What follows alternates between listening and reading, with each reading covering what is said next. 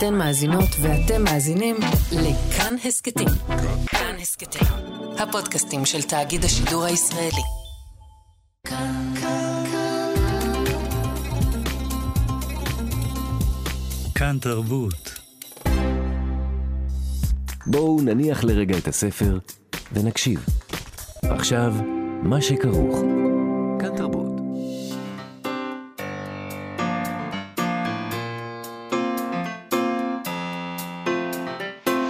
מה שכרוך. יובל אביבי ומה יעשה לה.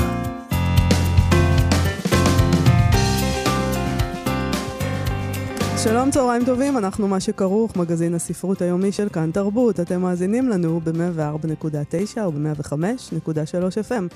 אפשר גם להאזין לנו כהסכת באתר, באפליקציה של כאן ובכל יישומוני ההסכתים. איתי אשת הוא המפיק שלנו על הביצוע הטכני, גיא בן וייס. שלום לכם, שלום יובל אביבי. שלום, מה אעשה לה? החדשות פשוט איומות. כן.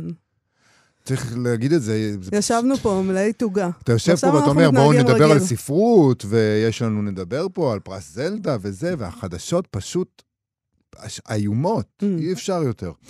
אבל אנחנו כן, למרות זאת, נהגים רגיל. אנחנו מתנהגים רגיל. באנו גם עם תוגה, אני בכל אופן. כן? כן. הגעת מהבית? הגעתי מהבית עם התוגה.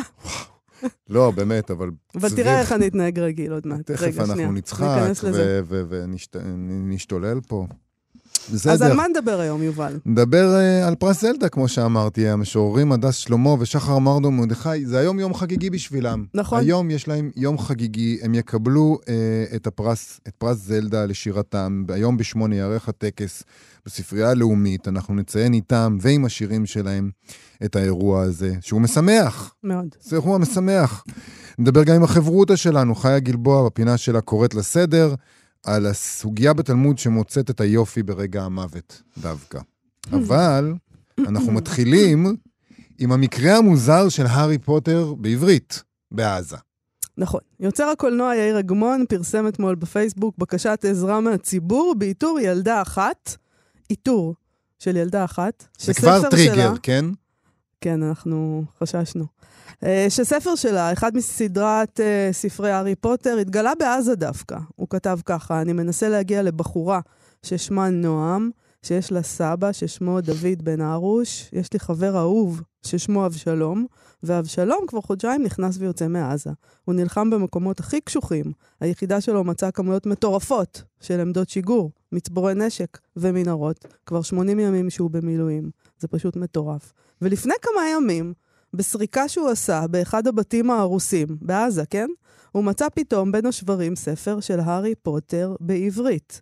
הארי פוטר ואוצרות המוות, זה הספר האחרון בסדרה. וכשהוא פתח את הספר הוא ראה שם הקדשה. יפה ומתוקה, הקדשה משנת 2011 של סבא דוד לנכדתו נועם. זה, זה סיפור מטורף. מלחיץ אה, בשלב הזה, אבל אה, ספוילר, יש סוף טוב. Mm. אה, ככל שאפשר. כן. ככל שאפשר. בדיוק. תשמעי, הוא צירף שם צילום של הכריכה ושל ההקדשה. זה קצת מוזר לקרוא את ההקדשה הזאת, אבל היא כבר התפרסמה בפייסבוק, התפרסמה ב... למה זה מוזר? כי זו הקדשה פרטית של סבא אה, לנכדתו בת ה-11. אה, זה נראה לך אינטימי. כן. לא, בחייך. זהו, זה כבר של כולנו ההקדשה הזאת. הקדשות שכתבו לי בגיל 11, את... אני יכולה להקריא. את יכולה להקריא, אבל אני לא אקריא את ההקדשה שלך שמצאתי ספר די, ברחוב. די, נו, שאבא שלי קנה לי את הכבש השישה עשר, לא וכתב שם לביתי האהובה, מה? מה יכול להיות? לא יודע. טוב, מרגיש קצת אה, פלישה לפרטיות. יובל, יובל, מספיק עם השטויות. מהי פלישה לפרטיות בימים אלה? בדיוק. אה, ככה הוא כתב לה, וזו הקדשה יפה האמת. נועם נכדתי, כל יום את מפתיעה אותי לטובה בהתנהגות של אחריות בזמנים שהתקשיתי בתפקיד בייביסיטר. חמוד. אוהב אותך נסיכה שלי, סבא דוד. אמ, אז אה, יאיר אגמון ממשיך וכותב, בתוך כל הקרבות והיריות והפיצוצים והמתח המבצעי, הספר הזה עם ההקדשה הזאת היה עבורו כמו שלוק של אוויר. כשנלחמים בעזה אפשר לשכוח שיש חיים פשוטים ויפים, שבהם סבא קונה ספר לנכדה האהובה שלו, שמפתיעה אותו בהתנהגות של אחריות בזמנים קשים. נכון. אז החבר שלו, אבשלום, החליט למצוא את הילדה או את הסבא כשהוא יוצא מעזה. הוא כתב, הוא לקח את הארי פוטר ואוצרות המוות וקרא בו מדי פעם כי הייתה לו הזדמנות, וכשהוא קרא הוא ממש הרגיש כאילו הוא מצא אוצר בתוך המוות. והיום בבוקר הוא חזר הביתה מהצבא, ואני הבטחתי לו שאני אעזור לו למצוא למי הספר שייך ולסגור את המעגל הזה. נו, אז איך סגרו את המעגל הזה? או, אומת האינטרנט התגייסה במלוא העוצמה. האמת היא שפשוט, אה, אה, הם נמצאו מהר מאוד, תוך שעה בערך הם כבר נמצאו, דוד בן ארוש ונכדתו נועם, בזכות גלית בן ארוש, שהיא האימא. היא. הבת של דוד אימא והאימא של של נועם. שהיא פשוט כתבה בתגובה אצל יאיר אגמון, אה, שאבא שלה הוא זה שהקדיש את הספר לנכדה נועם. זו הבת שלי נועם וסבא דוד המדהים והיקר שאוהב את הנסיכה שלו כל כך. תודה רבה רבה, זה ממש מחמם את הלב ומפתיע בצורה מרגשת. טוב, אז באתר וואלה לא, לא הסתפקו בדבר הזה, כי אנחנו לא יכולים להסתפק הרי. לא, אנחנו לא אנחנו אנשים צריכים- שמסתפקים. אלה לא זמנים זה לא זמנים של שבהם אנשים מידתיות. מסתפקים. מידתיות. Mm, זה מילה טובה. זה מידתיות? מילה של הזמן הזה, נכון? מידתיות. כן. אין שום דבר מידתי בשום דבר שקרה פה בשלושה חודשים האחרונים. נכון, נכון, נכון. אבל זו הכל- מילה טובה, מידתיות. זה מידה... זה מילה כזאת מעוררת כיסופים. יש, אה, אני, אני, אה, בשיטותיי לפני אה, מיליון שנה במזרח, היה, פגשתי... רחוק, אתה מתכוון. המזרח הרחוק, כן. מהמם. לא, לא- יש... לא ירדן. לא, כי המזרח התיכון. או- לא, לא המזרח התיכון, אוקיי. מקומות אחרים. מהמם. אז אה, פגשתי איזה בחור שהתאהב שם במדיטציה, והוא אמר כל הזמן moderation, moderation. ואני אמרתי לעצמי, איזה חיים moderation? לא, צריך uh, להתפוצץ. ועכשיו אני אומר, וואלה, מודריישן. בואו, ננסה moderation. אוקיי, זה לא הרגע להגיד את זה, אבל אחר כך, אחר כך. כשנצא מהכל, כן. ננסה מידתיות. אז באתר וואלה הם אה, לא, לא הלכו על מידתיות, והם לא. יצרו קשר עם האימא הזאת, גלית בן ארוש, והיא אמרה להם, אין לי מושג איך הספר הגיע לשם. לעזה, אחרי הכל, הספר כן, נמצא בואו בעזה. נזכור את העניין הזה. אני ממש לא זוכרת. אבא של נועם שירת באוגדת עזה, ואולי איכשהו שכחנו את זה שם, באחת השבתות שהתארחנו, אבל זו רק השערה שלי.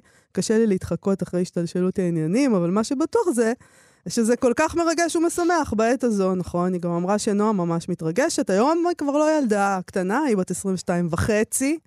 אם היא עדיין אומרת הוחצי, אז זה קטנה. אז היא קטנה. מצד כן. שני, זה אימא שלה אמרה. נכון. אז, אה, אז אולי- בשביל אימא שלה היא קטנה. תמיד. עם זה אני מזדהה. אני עדיין קטן בשביל אמא שלי. עובדת כדיילת באל על, אה, וסבא דוד בן ה-76 עדיין קורא לה הנסיכה שלי. אני בעיקר שמחה שזה סיפק נחמה ושמחה לאבשלום הלוחם.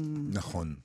אז זה סיפור אה, משונה, אני חייב להודות, מהמם. אבל הוא נחמד. נכון. נכון. זה יש פה משהו אופטימי ונחמד, ואנחנו מנצלים אותו כדי לקרוא קטע מהספר הזה. אה, הארי פוטר. הארי פוטר השביעי, בתרגומה של גילי בר הלל, כמובן, בהוצאת ספרי עליית הגג. זה ספר, אה, אם אני לא טועה, זה, אני, המיומנות שלי בהארי פוטר היא לא גדולה.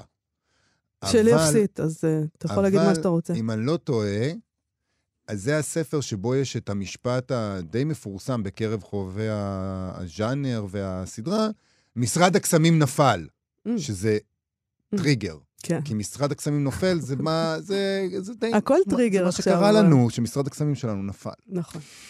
ככה זה הולך. וולדמורט הרים יד לבנה גדולה. יאקסלי נדם מיד, נדם מיד והביט באיבה כשוולדמורט פנה אל סנייפ. איפה הם מתכוונים להסתיר את הילד אחר כך? הילד זה הארי פוטר. מממ. את הילד אחר כך. בביתו של אחד מחברי המסדר אמר סנייפ, המקום לפי המקור שלי מוגן בכל אמצעי ההגנה שהמסדר ומשרד הקסמים גם יחד יכלו לספק. נראה לי שאחרי שיעבור לשם לא יהיה סיכוי רב לתפוס אותו, אדון, אלא, אם כן, כמובן, משרד הקסמים ייפול לפני השבת הקרובה, מה שיאפשר לנו לגלות ולהפר די כשפים כדי לפרוץ את אמצעי ההגנה הנותרים. נו, יאקסלי, קרא וולדרמורט לעבר קצה השולחן, ואור האש שבאח ריצד מוזרות בעיניו האדומות. משרד הקסמים ייפול לפני השבת הקרובה? למה זה צריך לקרות בשבת? למה משרד הקסמים זה צריך... נבואי. זה באמת, יובל. אני, זה, אני לא יכול, זה עושה לי טריגר. זה נורא. לא יכלו שמשרד הקסמים ייפול בראשון? בסדר, משרד הקסמים בשבת. כל הראשים פנו שוב. יאקסלי זקף את גבו. אדון, בעניין זה יש לי חדשות טובות. הצלחתי, בקושי מסוים ובמאמץ רב, להטיל קללת אימפ... אימפריוס על פיוס טיקנס. רבים מבין היושבים שמסביב ליאקסלי הפגינו התפעלות. שכנו, אדם בעל פנים מוארכים ועקומים, טפח על שכמו. זו התחלה, אמר וולדמורט, אבל טיקנס הוא רק בן אדם אחד. סקרימג'ר צריך להיות מוקף באנשינו לפני שאפעל. ניסיון כושל להתנקש בחיי השר יחזיר אותנו דרך הנורוקה לאחור. כן, אדון, זה נכון, אבל כידוע לך, בתור ראש המחלקה לאכיפת חוקי הקסם, טיקנס בא במגע קבוע לא רק עם השר עצמו, אלא גם עם ראשי שאר המחלקות במשרד הקסמים. עכשיו, כשעובד כל כך בכיר נתון לשליטתנו, יהיה קל, אני חושב, לכופף גם את האחרים, ואז כולנו, כולם יחד, יוכלו לעבוד כדי להפיל את סקרימג'ר. כל עוד חברנו טיקנס לא יתגלה לפני שיספיק להמיר את השאר, סייג וולדמורט. בכל אופן, נראה שעדיין לא סביר שהמשרד ייפול בידיי לפני השבת הקרובה. אם לא נוכל לגעת בילד אחרי שיגיע ליעדו, נצטרך לפעול כשהוא בדרך לשם. בעניין הזה יש לנו יתרון, אדון, אמר יאקסלי, שנראה נחוש, נראה נחוש להשיג מידה כלשהי של הכרה בערכו. כבר יש לנו כמה נציגים שתולים במחלקת התחבורה באמצעי קסם. אם פוטר יתעתק או ישתמש במערכת הפלו, נדע על כך מיד. פוטר לא יעשה זאת, אמר סנייפ. המסדר מדיר רגליו מכל אמצעי התחבורה, שנ... מכל אמצעי תחבורה שנתון לשליטה או לפיקוח של משרד הקסמים. הם חושדים בכל דבר שקשור במשרד. עוד יותר טוב, אמר וולדמורט. הוא ייאלץ לצאת לשטח, יהיה הרבה יותר קל לתפוס אותו. וולדרמורט שוב הביט בגוף המסתובב לאיתו והמשיך. אני אטפל בילד בעצמי. יותר מדי טעויות נעשו בכל הקשור להארי פוטר. אחדות מהן עשיתי אני. העובדה שפוטר עדיין חי נובעת מהטעויות שלי יותר מאשר ההצלחות שלו, מההצלחות שלו. יפה מאוד. אז זה קרו בעזה, ומצאו בעזה, אה, ואנחנו נגיד לאבשלום, שמצא את הספר, אבשלום, תחזור בשלום, זה הכל. בהחלט. פשוט. אה, אפרופו עזה וכל עסק הביש הזה, אנחנו נספר לכם שמחר ב-12 בצהריים יארח אייל שינדלר שלנו בתוכנית האחרונה של צלילים מהנגב המערבי, את דניאל וייס מקיבוץ בארי. אז אבא של דניאל, שמוליק וייס, נרצח ב-7 באוקטובר בביתו בקיבוץ. אמו של דניאל, יהודית וייס, נחטפה על ידי החמאס לעזה, ולפני חודש איתרו שם את גופתה. דניאל וייס הוא מוזיקאי שהוציא בספטמבר השנה אלבום בכורה. הוא מגיע לאולפן uh, לשיחה עם אייל שינדלר על המציאות ועל מוזיקה, והוא יספר, uh, הוא יבצע מספר שירים. אחד מהם, אני גיטרה, שכתבה נעמי שמר לבן ימדורסקי, uh, שהוא מקדיש אותו להורים שלו. בואו נשמע אותו.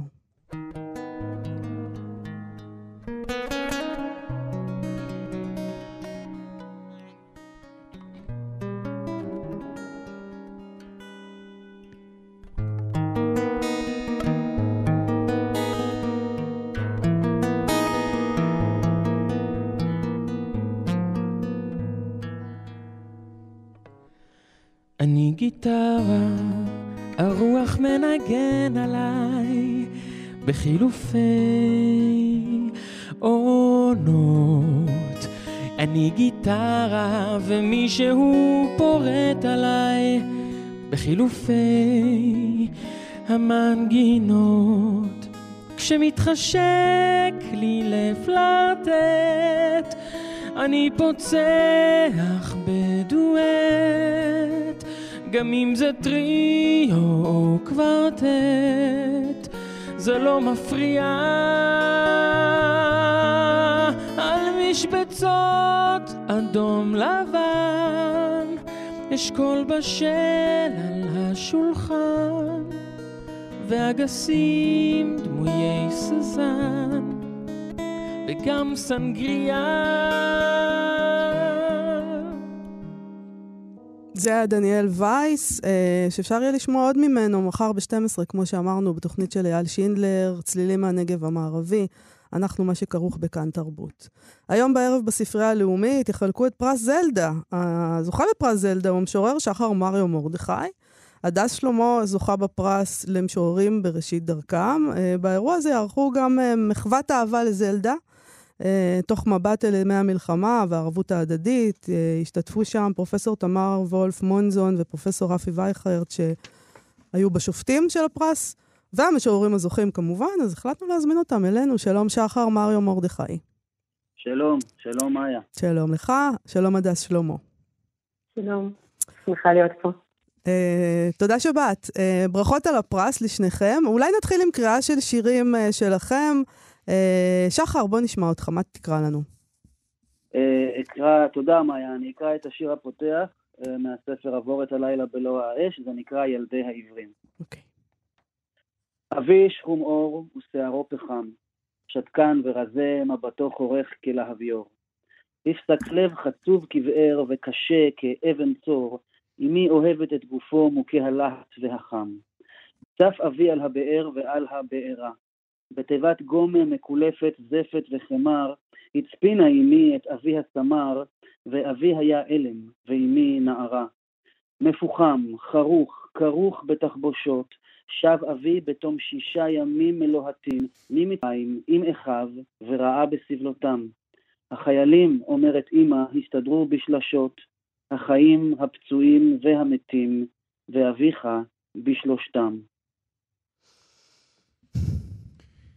שחר, הספר שלך אמ, הפך, הוא תמיד היה מאוד הולם למציאות הישראלית, אבל הוא ברור שהוא הפך להיות uh, עוד יותר ככה בתקופה האחרונה. אתה מרגיש ככה? עבור את הלילה בלא האש, נגיד את השם. כן. כן. Uh, תודה לשניכם, יובל ומאיה. אני... זה מצמרר, כלומר, זה לא מפתיע, כי אנחנו חיים בתוך uh, מציאות שהיא לפעמים בלתי נתפסת, אבל זו המציאות שלנו מזה 75 שנה. מה שקרה בחודשיים האחרונים, מה שקרה מאז השבעה באוקטובר, זה בוודאי הופך את השנה הזאת לשנה המחרידה ביותר בתולדות ישראל המודרנית מאז תקומתה ב-48. Uh, לחזור אל השירים האלה שהתפרסמו ב-2022 uh, זה... זה עלול לצמרר, כי החיים הפצועים והמתים מסתדרים בשלשות ואנחנו רואים את זה לנגד עינינו כבר חודשיים, ואנחנו נמצאים בתוך הלוויה שלא מסתיימת uh, מאז השבעה באוקטובר. Uh, אז כן, זה מצמרר וזה uh, קשה. אתה גם, וזה גם כתוב בנימוקי השופטים שנתנו לך את הפרס, אני אקרא קצת, שירתו של מריו מרדכי היא אישית מאוד ועוסקת בטראומה של חוויית הפציעה של אביו. זאת אומרת, אתה, השירים שאתה כתבת הם, הם, הם לא לאומיים, הם, הם מאוד אישיים. אז מדובר כאן בפציעה של אבא שלך ובחיים שלכם ליד הדבר הזה. נכון. בסופו של דבר אמרו את זה לפניי, הדבר האישי בעצם הופך לזה דבר הכי מחבר כשזה חוצה מגזרים ועדות ולאומים. נכון, כתבתי על אבא שלי, אבא שלי, וזה גם מדהים אותי לשמוע את השמות ש, שנזרקים עכשיו לחיל האוויר, ח'אן יונס, רפיח, עזה, שג'אעיה. אבא שלי בשנת 67' היה שריונר, חייל קרבי במלחמת ששת הימים, ביחד עם ה... במסגרת האוגדה של אלוף ישראל טל, אוגדה 84, במסגרת החטיבה, הוא פרץ את הדרך מח'אן יונס לרפיח, פתחת רפיח, לתוך סיני, אל אל-עריש, ושם נקלע למערב מצרי כשהטנק שלו עלה באש, וגם הוא עצמו, אבא שלי, עלה באש ופונה, כשניתן היה לפנות אותו לבית החולים סורוקה בבאר שבע, ומאז חלפו 56 שנה, וזה 56 שנה של שיקום ארוך, מתמשך ובלתי נגמר, ואני נשבר, אני ממש נשבר. נפשית ולפעמים גם פיזית, ולפעמים מרוסק, כשאני שומע ורואה את מה שקורה לאזרחים, לחיילים, אה, כאן, וגם לאנשים חפים מפשע ברצועת עזה. זה פשוט שובר ומרסק. קיבלת תגובות חדשות על הספר בתקופה הזאת? כי אתה יודע, קודם כל היינו צריכים שירה. כולנו הרגשנו את זה, הרבה מאוד, לא כולנו, הרבה מאוד מאיתנו הרגישו שאנחנו זקוקים לשירה. במיוחד אה, שירה שהרגשנו שהיא נבואית, או שהיא עלתה על משהו לפני כן, שמסביר לנו את מה שקרה לנו. היה לך מקרים כאלה שאנשים אמרו לך, אה, אוקיי, חזרתי לספר שלך, אני מבין אותו אחרת עכשיו, או הוא עזר לי? Uh, כן, היו כמה מקרים כאלה, בודדים, לא רבים, בכל זאת מדובר בשירה. Uh, אבל היה, יש כמה מקרים זכורים כאלה, בעל בית קפה שפנה אליי ואמר לי שהוא... Uh, חזר לקרוא בספר, גם, גם בשל החוויה הקשה שלו מהשירות הצבאי שהוא עבר לפני אה, 30 שנה, אה, והקריאה בספר לפעמים אה, מקשה עליו, לפעמים מחזקת אותו, אז יש, יש תגובות גם של משוררים שכתבו לי במסנג'ר. אין הרבה תגובות כאלה, אבל יש, כן. הדס, בואי נקרא גם מהספר שלך, שהוא ספר, אה, אה, גם הוא ספר מאוד אינטימי ומשפחתי, אבל הוא עוסק בדברים אחרים לגמרי. אולי נקרא את הנימוקים קודם? בסדר גמור, תקראי. קצת. כן, זהו כן, ספר בטח. שירים שכמו השרף החלבי שניגר מעלי התאנה, הוא צורב ומריר, אך יש בו גם כוחות ריפוי.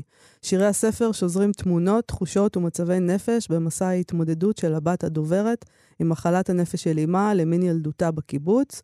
אנחנו מדברים על הספר חלב תאנים שיצא בלוקוס ב-2022. הדס, מה תקראי לנו? נכון, אז uh, בהקשר הזה של השיח של השירה עם המציאות, אני אקריא את השיר הצלה. בהתחלה, כשחשבתי אם השירים שלי מדברים עם מציאות, עם המלחמה שבחוץ, התגובה הראשונה שלי הייתה שלא. אבל רגע אחר כך הבנתי שלא רק שכתבתי על אה, מלחמה חיצונית ופנימית, אלא שמצאתי בשיר הזה הצלה את הצירוף חטפו ילדים, וזה היה מטלטל להבין כמה המציאות עכשיו פוגשת את הפסיכוטי או את הפחדים הכי עמוקים שלנו. אני אקריא. בבקשה. הצלה. כשהסתיים הביקור במחלקה הסגורה, נסענו בשתיקה. נוף הערב מחליף את המראות שנשארו איתנו. גבר צעיר מחרבן על מיטתו, אישה קורעת חולצתה באמצע המסדרון, ואימא שלנו, שידיה רועדות ושערה פרוע, מנסה להשלים רקמת ורדים, אך החוץ נשמט מידה. ביציאה מחיפה הטלפון של אחי צלצל. שברי מילים הגיעו אליי. חטפו, ילדים, סרטה, אחות, לא, אוכלת, לחזור. השיגעון שלך הציף את האוטו, דחף אותנו בזרם עכור כחושך שהחל לכסות את הכל. אחי סובב את האוטו אלייך, ואני ביקשתי לרדת בתחנת האוטובוס, על חופו של הכביש בין חיפה לקיבוץ. לבד, בת 16, מאחוריי כרמל אפל, נפשי כגלגל הצלה, מחכה לקו השפיות, שיחזיר אותי הביתה, רחוק ממך.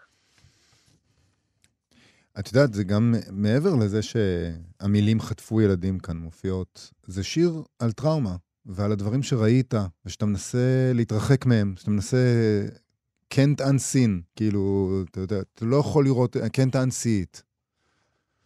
נכון, אני חושבת שגם השירה היא סוג של גלגל הצלה מול הדברים הלא צפויים, הלא מובנים, המאיימים, ו... ושהיום השירים שלי נקראים לי כמו איזו מין עדות, אה, כאיזושהי חשיבות שניתן עדות בתוך הטראומה, אה, שנגיד, אה, שמעתי את זה, ראיתי את זה. והאזור מלחמה הזה הוא הבית. נכון. הוא הבית והוא גם אה, הנפש של כולנו. אני, אני קצת מסתכלת על, על תוך המחשכים האלו של הנפש האנושית, שבתקופה הזו באמת יש איזה מנעד בלתי נסבל בין המופלא למחריד שבה. תגידי, זה, זה דבר מאוד מרגש בעצם, לזכות בפרס על ספר uh, הביקורים. כן, מותר לכם לשמוח. זה דבר משמח, ו- וזה באמת מעניין. שחר, אתה גם חי בארצות הברית, ושמעתי שבאת במיוחד. כן, זה נכון. אני uh, יצאתי מישראל ב-25 באוקטובר, הייתי אמור לטוס ב-8 באוקטובר, יום לאחר uh, המתקפה של החמאס, אבל הטיסה בוטלה. Uh, וטסתי ב-25 באוקטובר, אני בשנת uh, שליחות הוראה בעיר בשם סירקיוז בצפון מדינת ניו יורק. Mm-hmm. Uh, וכן, uh, בשביל לקבל את הפרס הייתי צריך להגיע לכאן. Uh, בכל זאת, אני מורה, אני זקוק קצת uh, לכסף, אז uh, לא יכולתי לוותר על זה.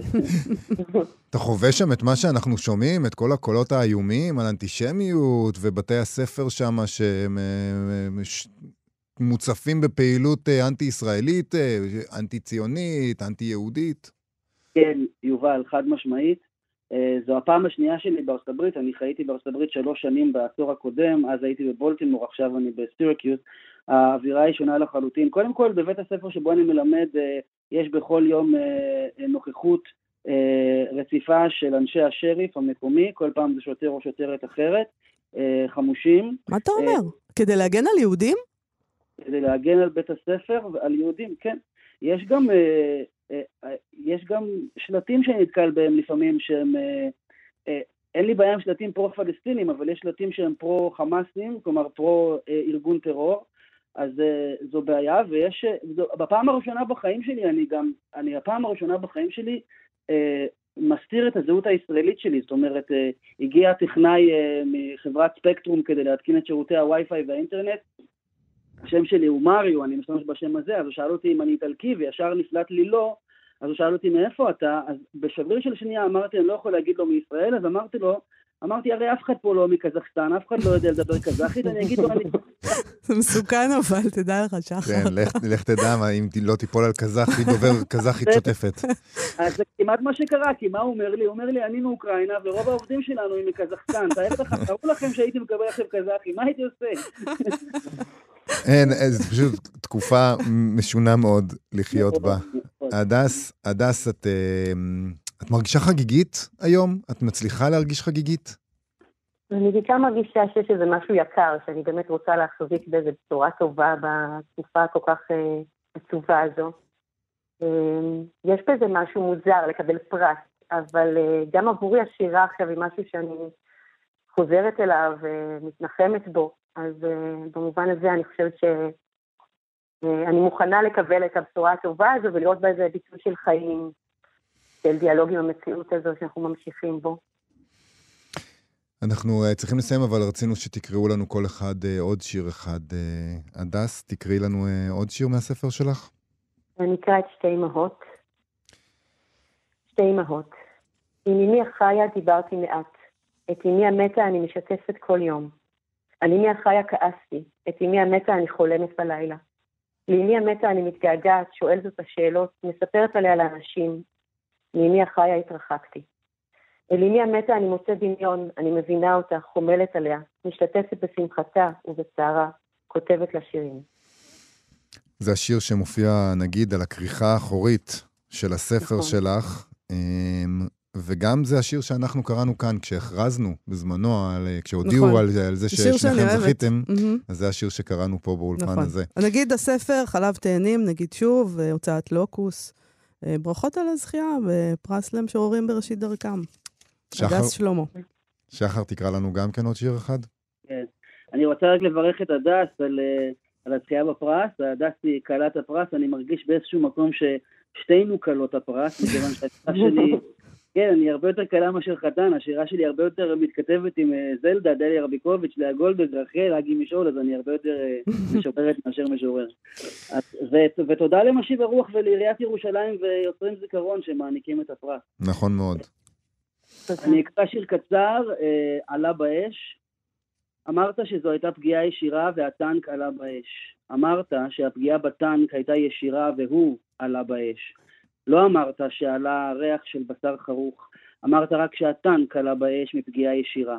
לא אמרת שנפער פצע, שרסיס פגז ריסק את כף רגלך ואת היד של חברך, והיא השתלשלה כמו פקעת חוטים של בשר מזרועו. אש, אש, אש, עלה באש, ואת הדם שנספג בחול עם קרעי מדים ורצועות גידים לא ניתן להחזיר, רק לקבור, אמרת ולא אמרת, שנמשלת עם יורדי בור.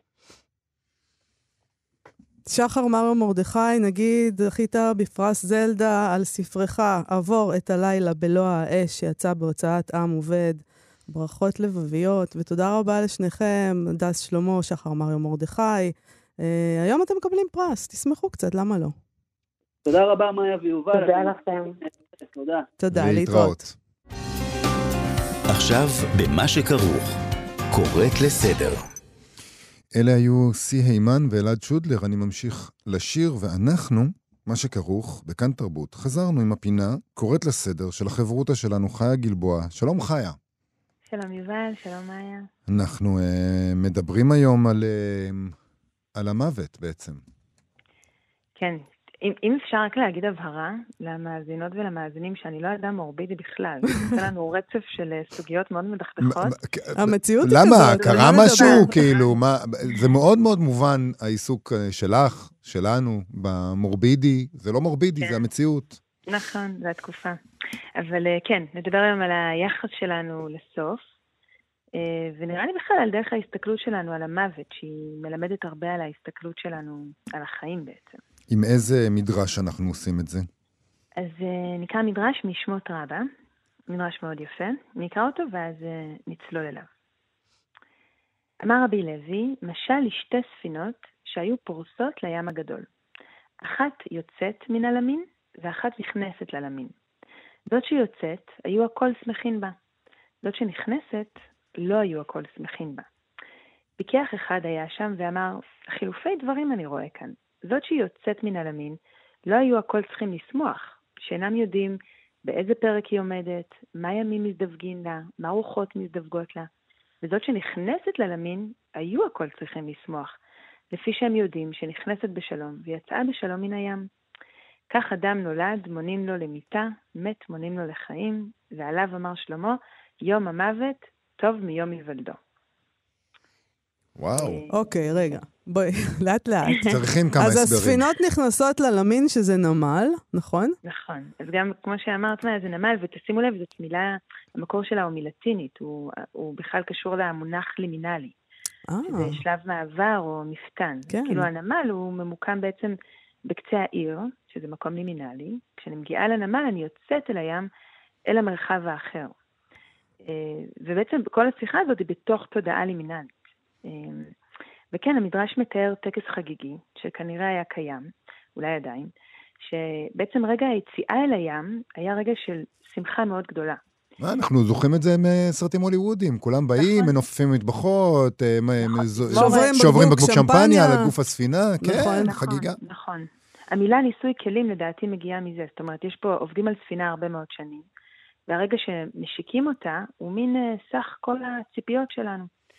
אז זה הרגע של בעצם של הספינה שיוצאת, ובמדרש שקראנו, מקבילים את הספינה לרגע הלידה. האדם נולד ואנחנו שמחים. מאוד שמחים, mm-hmm. נכון. ואז המדרש ממשיך ומתאר, הוא מספר דמות ששימו לב שהם קוראים לה פיקח. לא חכם אלא פיקח, שבעברית, בטח בטקסטים היהודים, הכוונה היא לאדם שהעיניים שלו פקוחות. זאת אומרת, הוא רואה את המציאות בצורה צלולה. הוא לא מושפע מאמירות קודמות, הוא מסתכל על הדברים באופן נקי, לא באופן אמוציונלי. וכשהוא מגיע בדרך כלל במדרשים, התפקיד שלו היא לשנות פרדיגמה. אז הוא אומר, הנטייה האנושית היא להנגיד את הלידה אל מול המוות, וגם להנגיד את השמחה אל מול העצב. להגיד לידה זה דבר שמח ומוות זה דבר עצוב. ובעצם הוא אומר, בלידה, ביציאה של הספינה, יש אה, חוסר ודאות. אנחנו לא יודעים מי האדם הזה עומד להיות. אם הוא עומד להיות אדם מיטיב או אדם מפרק. גם הספינה, אנחנו לא יודעים אם היא תשרוד את המסע, האם זאת תהיה ספינה שתישבר או ספינה שדווקא תצליח. והוא אומר, דווקא במוות, בספינה שחוזרת, יש השלמה. הסיפור נסגר.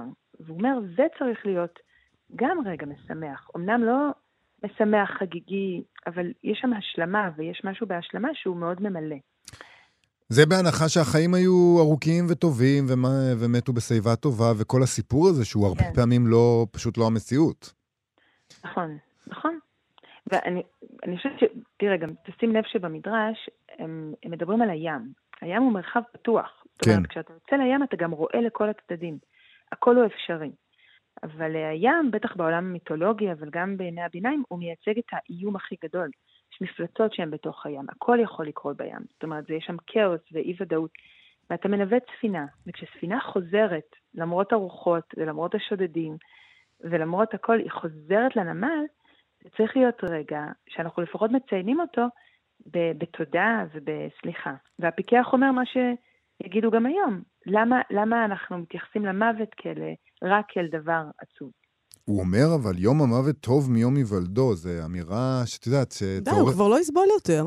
זה נכון. השאר יסבלו אולי, הקרובים אליו וזה, אבל האדם הזה, כן, אבל... הספינה הזאת כבר לא תסבול יותר. זה נכון, אבל אפשר להבין מדוע אדם מן השורה, אה, שהרגע מישהו יקר לו, אפילו אם הוא מת בשיבה טובה והיה לו חיים נפלאים, נקבר, יתקומם מול האמירה הזאת. נכון.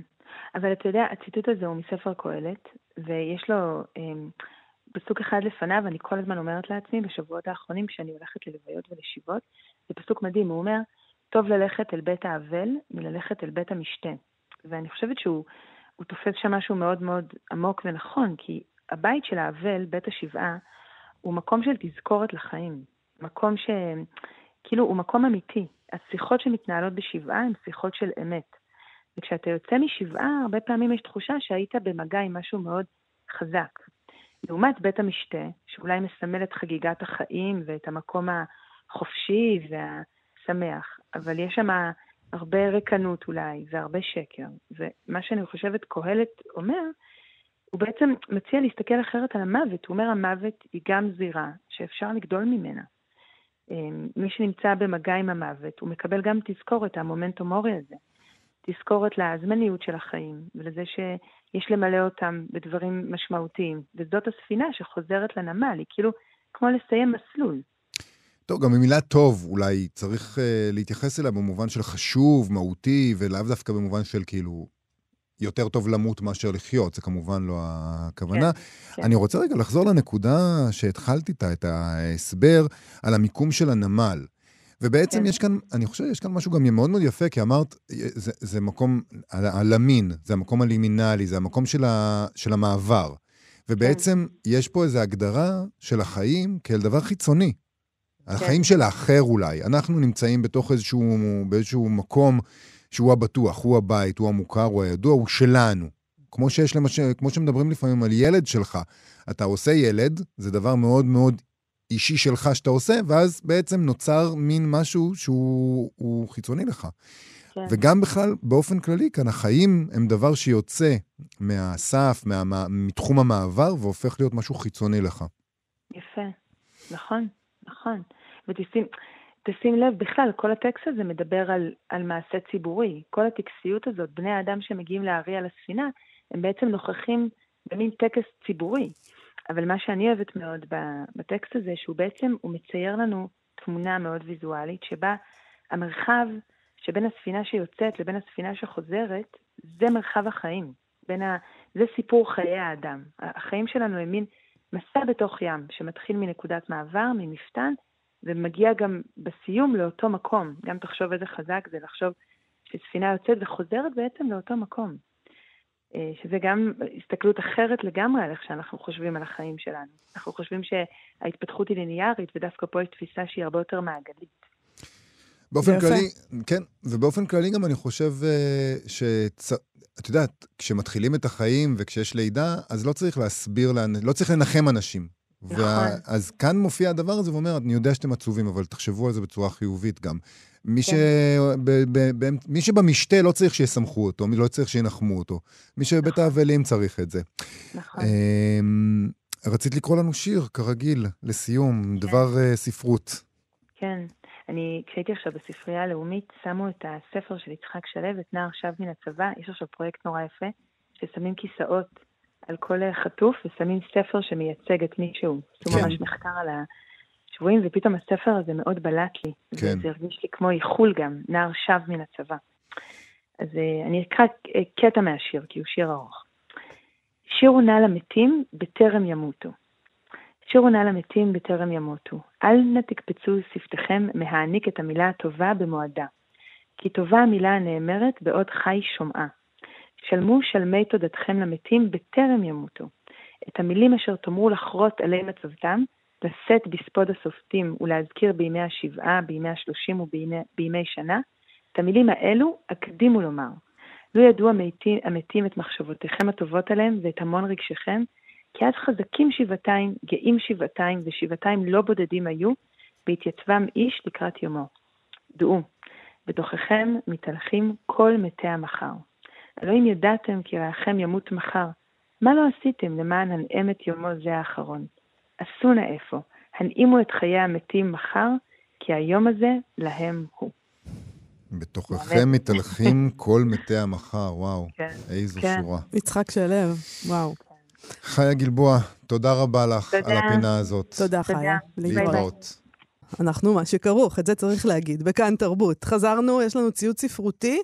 של העיתונאי דניאל דולב, שהוא גם אבא, וכמו הורים רבים לילדים רכים, הוא קורא המון ספרי ילדים, אה, מקריא לילדים שלו מן הסתם. כן. ומשהו בו פקע, נמאס לו. אני כל כך מזדהה עם הסנטימנט אני, הזה. אני, אני כבר לא מזדהה, אבל אני ממש זוכרת את זה. וואו. לא אשכח לעולם. כן. עד יום מותי אזכור את הדבר הזה. ממש. אז הוא כתב ככה: חיכיתם בסבלנות עד שנדבי יצליח להירדם לשנץ. ועכשיו, קבלו את מצעד ספרי הילדים המרגיזים, המיותרים והמעיקים. והוא מונה אותם. נציין פה את שלושת המקומות הראשונים. במקום השלישי הוא מציב את כל ספרי נפתלי שאינם סיר אסירים. זה קצת קומם אותי, אני חייבת להגיד לך, יובל. למה?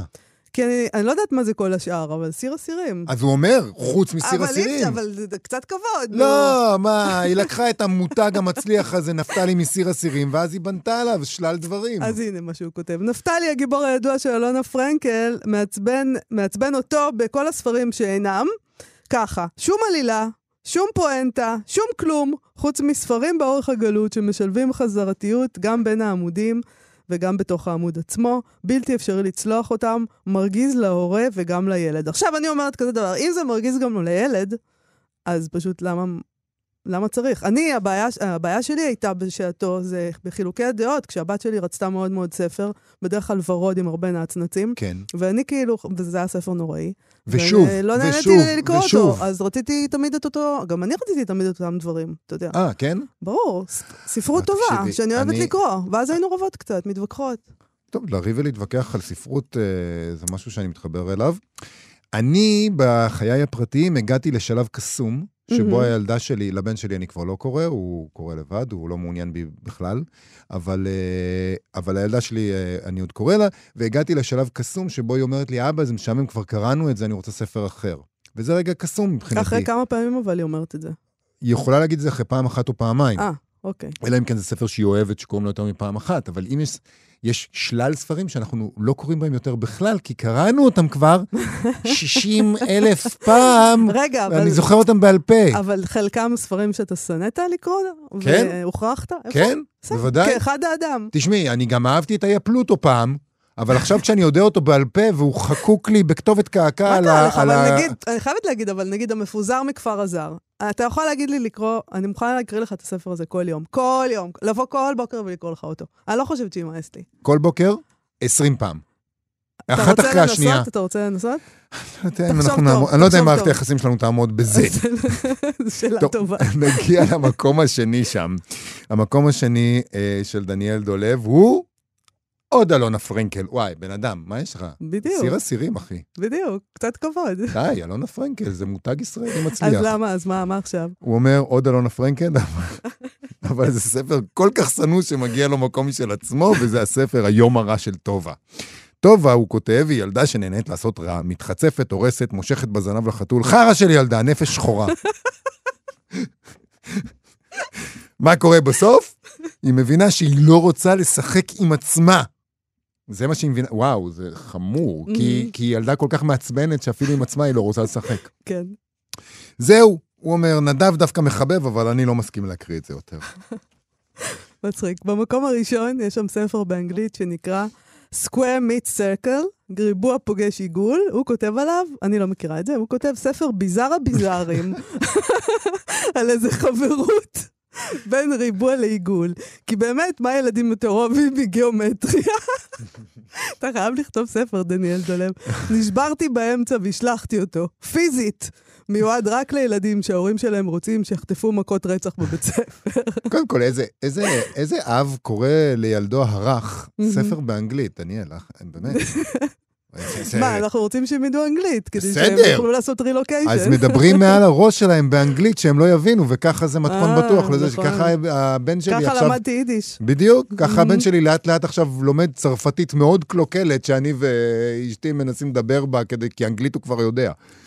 אה, אז אני אומר, דברו אליהם מעל הראש. אה, תשמעי, הספר הזה, Square Meet Circle, נראה כמו, זה נשמע כמו ספר שנועד לקבל את השונה. חברות בין שני דברים שונים, אחד ריבוע, אחד עיגול, כולנו אותו דבר, זו סוגה מאוד חביבה על הורים, כי אנחנו פרוגרסיביים ומתקדמים ומכילים. אתם. אנחנו. כן. אנחנו פחות לא, פרוגרסיביים כי היום, אבל עדיין אנחנו, אותנו. אבל... אה, אנחנו ההורים הפרוגרסיביים, אתם אנחנו ההורים פרוגרסיביים. כן, אתם פרוגרסיביים. בכל מקרה, אה, מהר מאוד, אה, כל מיני הורים התחילו לשלוח לו, התחילו להגיב לו, התחילו לשלוח לו עוד הצעות של ספרים ששנואים עליהם, למשל, אליאמיאו של אה, יונתן גפן, על אדם שמגדל חתולים והופך בעצמו לחתול. מהמם.